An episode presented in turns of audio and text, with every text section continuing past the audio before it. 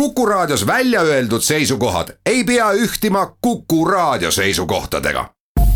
Te kuulate Kuku Raadiot.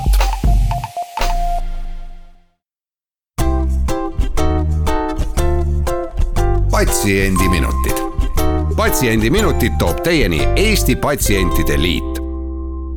tere, hea Kuku kuulaja mina olen Kadri Tammepuu ja tänases saates tuleb meil taas juttu hambaravist eelmisel nädalal oli meil külas Hambaarstide Liidu president Piret Väli ja rääkisime muuhulgas äh, natukene ka Sotsiaalministeeriumis valminud analüüsist analüüs hindas, kuidas on täiskasvanute hambaravi hüvitised inimesi aidanud ja teiselt poolt siis äh, valmistas ette ka valitsuse plaani elluviimist, mis puudutab hambaravi.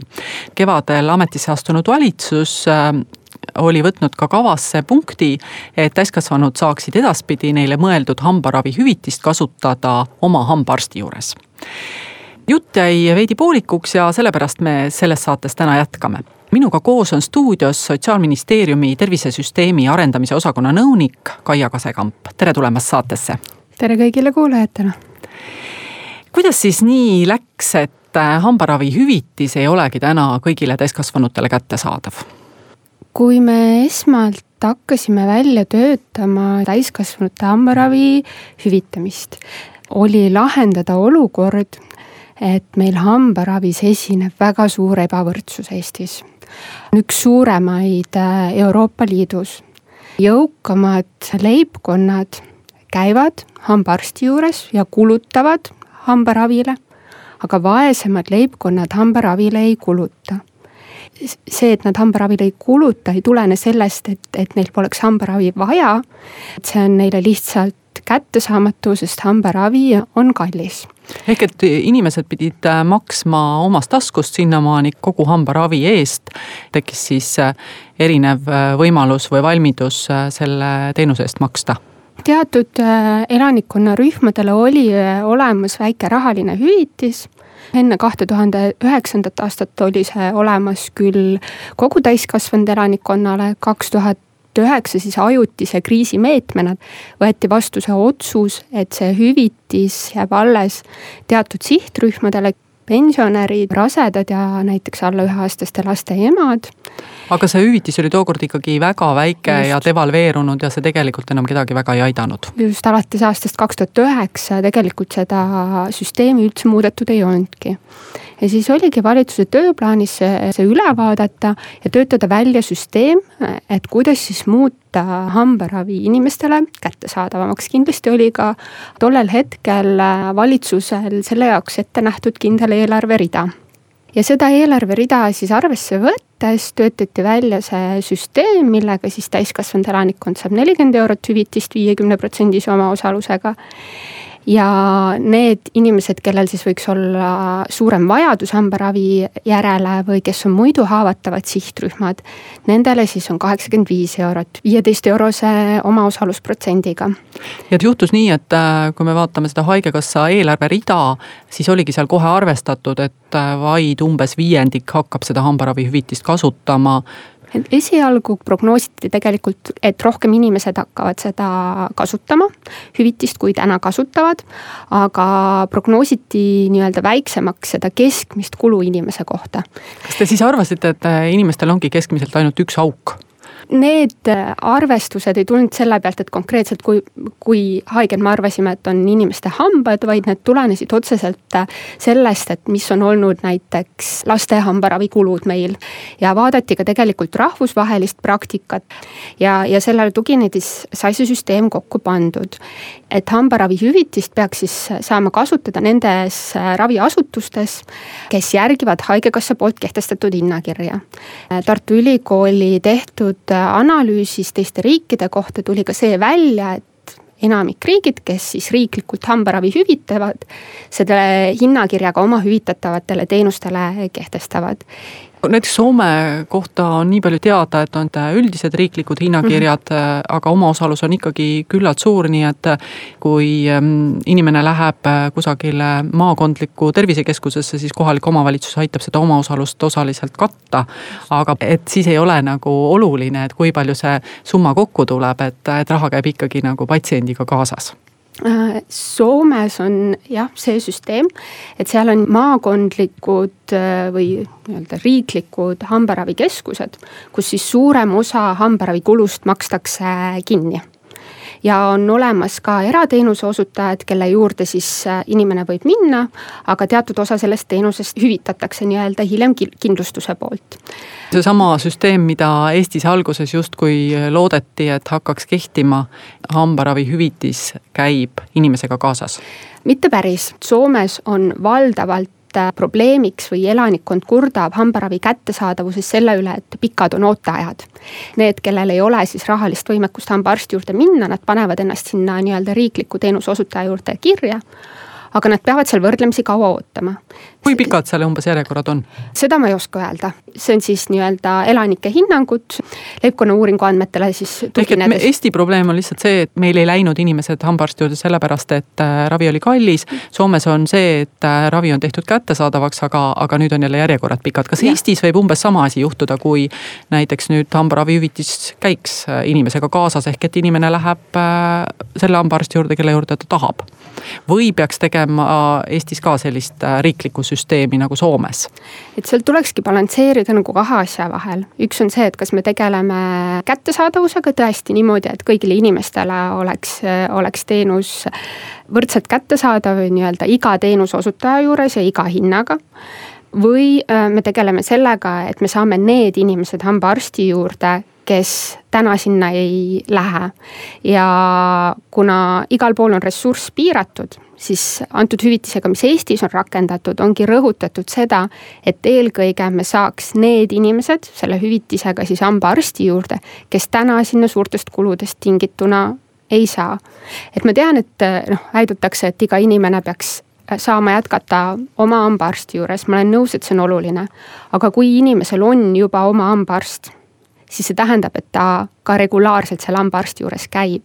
et meie eesmärk on jõuda eelkõige nende inimesteni, kes täna no suurtest kuludest tingituna tegelikult jätavadki sinna hambaarsti juurde minemata hästi, aga läheme siit korra pausile, peatselt oleme tagasi ja jätkame juttu hambaravist ja Sotsiaalministeeriumi analüüsist, mis puudutab hambaravi. patsiendiminutid patsiendiminutid toob teieni Eesti Patsientide Liit stuudios on Sotsiaalministeeriumi nõunik Kaia Kasekamp ja Kadri Tammepuu. me räägime hambaravist ja vast valminud Sotsiaalministeeriumi analüüsist, mis uuris seda, kuidas hambaravihüvitist on Eestis kasutatud me rääkisime esimeses saate osas, et need inimesed, kes varem hambaarsti juures ei käinud, on hakanud nüüd rohkem hambaarsti juures käima. üks probleem, mis avalikkuses on, on see, et kui seda hüvitist tutvustati kaks aastat tagasi, siis öeldi, et see hüvitis justkui võimaldab kõigil seda hambaravihüvitist saada, mis täiskasvanuid puudutab. nüüd tegelikkuses tundub, et need eesmärgid olid veidi teistsugused ma ütleks, et et kindlasti oli eesmärk endiselt ka, et, et kõik inimesed jõuaksid hambaarsti juurde. et selles suhtes oligi see samm, et me läksime hüvitised, mis oli ainult kindlale sihtrühmale, me läksime üle kogu elanikkonna peale. keda see täiskasvanute hambaravihüvitis on kõige rohkem aidanud, et kas rohkem maal või linnas elavaid inimesi, kas pigem vanemaid või nooremaid või, või siis natuke tuli juttu, et pigem madala sissetulekuga inimesi? Just, ja me näeme näiteks sihtrühmadest, et, et kui me vaatame taas elanikkonna uuringuid, siis oluliselt on alates hüvitise rakendamise hetkest näiteks paranenud kättesaadavus hambaravile pensionäridel. Ehk siis, kui pensionärid saavad ikkagi äh, kaheksakümne viie eurost hüvitist, siis see on nende sissetulekust väga oluline äh, osa. ja lisaks on neil ka omaosalus ainult viisteist protsenti kas te uurisite ka, et millise teenuse eest kõige sagedamini hüvitist maksti, et äh, oli see siis hamba väljatõmbamine või hammastele plommi panemine või midagi kolmandat? seda me analüüsis konkreetselt ei uurinud, et analüüsis käsitlesime just, et elanikkonna hinnanguid teenuse kättesaadavusele, elanikkonna statistikat hambaravi kasutuses ja hambaravihüvitise äh, statistikat, et, et paljud inimesed siis hüvitist on, on, on kasutanud. ja tõesti vaatasime seda näiteks, et suurem osa kogu hüvitise eelarvest lähebki näiteks pensionäridele või osalise puuduva töövõimega isikutele ja siis me tegime ka nii-öelda sellise hambaraviteenuse hindasid võrdleva, võrdleva analüüsi. mida siis inimesed arvasid, kuidas hambaravihüvitis täiskasvanuid on aidanud?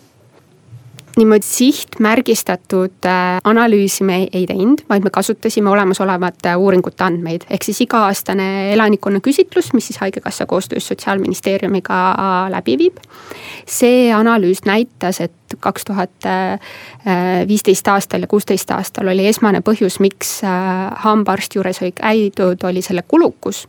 siis kaks tuhat kaheksateist aastal oli esmane põhjus, et inimene ei näinud vajadust kui meil varasemalt oli nii et, et nelikümmend kuus protsenti inimestest ei kasutanud hambaravi majanduslikel põhjustel, noh, see oli aastal kaks tuhat viis, viisteist, siis aastaks kaks tuhat kaheksateist on see langenud kolmekümne kahe protsendi peale ehk siis äh, neliteist protsenti ähm, inimesi arvas nüüd vähem, et äh, põhjuseks on raha, miks nad hambaarsti juurde ei jõua. just, äh, samuti tõusis oluliselt inimeste arv, kes siis hambaravi kasutavad.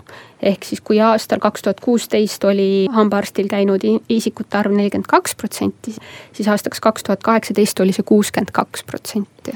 Üks ähm, näitaja, mis mulle silma jäi, oli nimelt see, et ähm, tervise Arengu Instituudi andmetel on kahe tuhande kaheksateistkümnendal aastal vähenenud jällegi laste ehk alla viieteistaastaste patsientide hambaarsti külastuste arv. mis te arvate, millega see seotud on, et kas hambaarstid nüüd äh, parandavad täiskasvanute hambaid või äh, lihtsalt ei jõua lapsed arsti juurde? See on tõesti väga, väga suur probleem ja miks meil äh, lapsed ei jõua hambaarsti juurde, et tegelikult on Haigekassa koostöös Eesti Hambaarstide Liiduga väga palju panustanud sellesse, et teha laste seas eelkõige ennetustööd alles nüüd oktoobris äh, avaldati hambapesulaul ja, ja on tehtud erinevaid meediakampaaniaid. kaasa arvatud meie tuntud Suukool, kes teeb väga head tööd nii lastevanemate seas kui ka koolides. aga teada on ka see, et laste tervisekäitumine on seotud lapsevanemaga ehk siis lapsevanem on tegelikult see, kes, kes on eeskujuks ja lapsevanem on ka see, tänu kellele laps jõuab hambaarsti juurde. lapsevanemad vist väga seda suukooli laulu ei laula, et nendeni peaks kuidagi teistmoodi jõudma, et kas te olete seda ka mõelnud, et kuidas siis äh, lapsevanemaid kõnetada?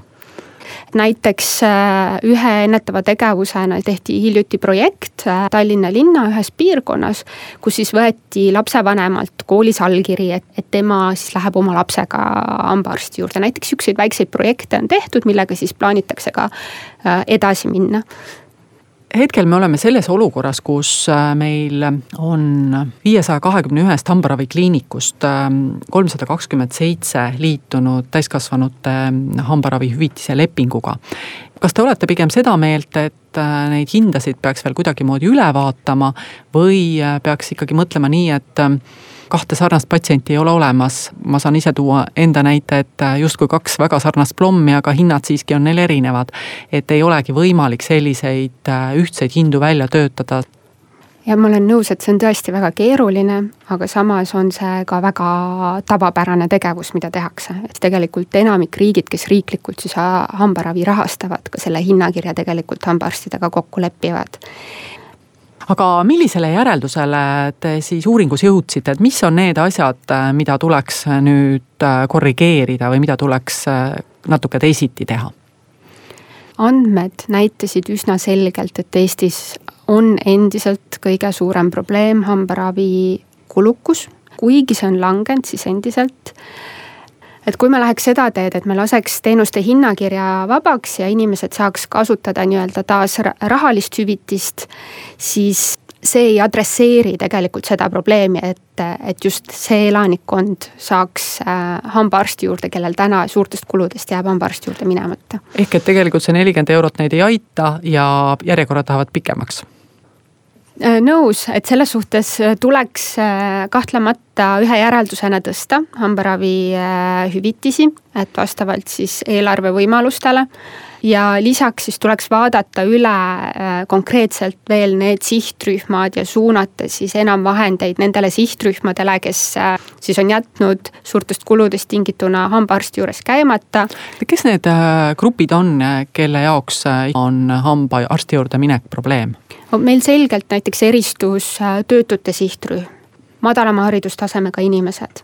Nemad hindavad endiselt, et hambaravi on liiga kulukas ja nad jätavad sinna minemata, sellepärast et pole võimalik. kas äh, need inimesed, kes on äh, vähem koolis käinud, kas nende probleem võiks olla see, et ka nende palgad on madalamad või sissetulekud on madalamad või et nad lihtsalt äh, nii väga ei tähtsustagi hambaarsti juures käimist, lihtsalt ütlevad, et see on kallis? Üldiselt me teame ka, et sihukeste inimeste terviseteadlikkus on ka tegelikult kehvem ja sellest tulenevalt oleks just neil eriti vaja sellist ennetavat visiiti, kus hambaarst saaks veel üle rääkida, miks on oluline käia iga aasta ja mis on korrektne äh, suuhügieen. kas olete ka kaalunud äh, seda varianti, et ähm, igale inimesele oleks näiteks üks ennetav visiit, kes ei ole hambaarsti juures käinud näiteks äh, viimase aasta või kahe jooksul, oleks äh, haigekassa kulul sajaprotsendiliselt kaetud.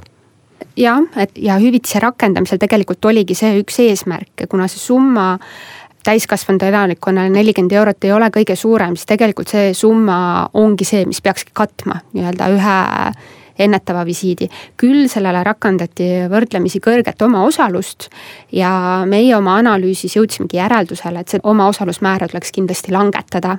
jääksid siis erinevad teenused võib-olla näiteks erineva omaosaluse määraga? pigem ikkagi, kui langetada omaosalust, siis juba kõikidele teenustele kas ka kõikide inimeste jaoks või see jääks kuidagi sõltuma sotsiaalsest staatusest? Praegu on eristatud see kaheksakümne viie eurone hüvitis viieteist protsendiga ja, ja neljakümne, viiekümne protsendilise omaosalusega. veel neid sihtrühmasid diferentseerida plaanis ei ole täna suures osas on toimetulekutoetuse saajatest juba kõrgema hüvitise määraga kaetud. pensionärid, osalise või puuduva töövõimega isikud, et sihtrühmadest, kes seal puudu on, ongi näiteks töötud aga see on ka üks ettepanek, mida siis äh, tuleb tegelikult analüüsida, et kas äh, rakendadagi näiteks kõrgendatud määras hüvitis siis täielikult ilma omaosaluseta. et miks see omaosalus ka esialgu üldse, üldse rakendatud sai, oligi äh, diskussioon, et inimesele peab jääma mingisugune enda vastutus. aga tegelikult, kui me vaatame ka Maailma Terviseorganisatsiooni soovitusi, siis on praegu kaks meedet oma nii-öelda inimesi motiveerida oma suutervise eest paremini hoolt kanda. see on hüvitise piirmäär, eks sulle ei hüvitata lõpmatult ja lisaks veel omaosalust, et tegelikult me peaks rakendama kas emba-kumba. aga lõpetuseks, et äh, mis nüüd edasi saab? see on Vabariigi Valitsuse otsustada, et mida meie aga võime soovitada, on see, et minge külastage eesti.ee lehte ja vaadake, mis on teie hambaravihüvitise jääk veel sellel aastal ja minge käige hambaarsti juures sest uuest aastast äh, seda vana hüvitist enam kasutada ei saa. suur aitäh, Kaia Kasekamp, täna meile saatesse tulemast ja täname ka kõiki kuulajaid. stuudios olid äh, Sotsiaalministeeriumi tervisesüsteemi arendamise osakonna nõunik Kaia Kasekamp ja Kadri Tammepuu. Kuulmiseni taas nädala pärast ja seniks olgem terved. patsiendiminutid, Patsiendiminutid toob teieni Eesti Patsientide Liit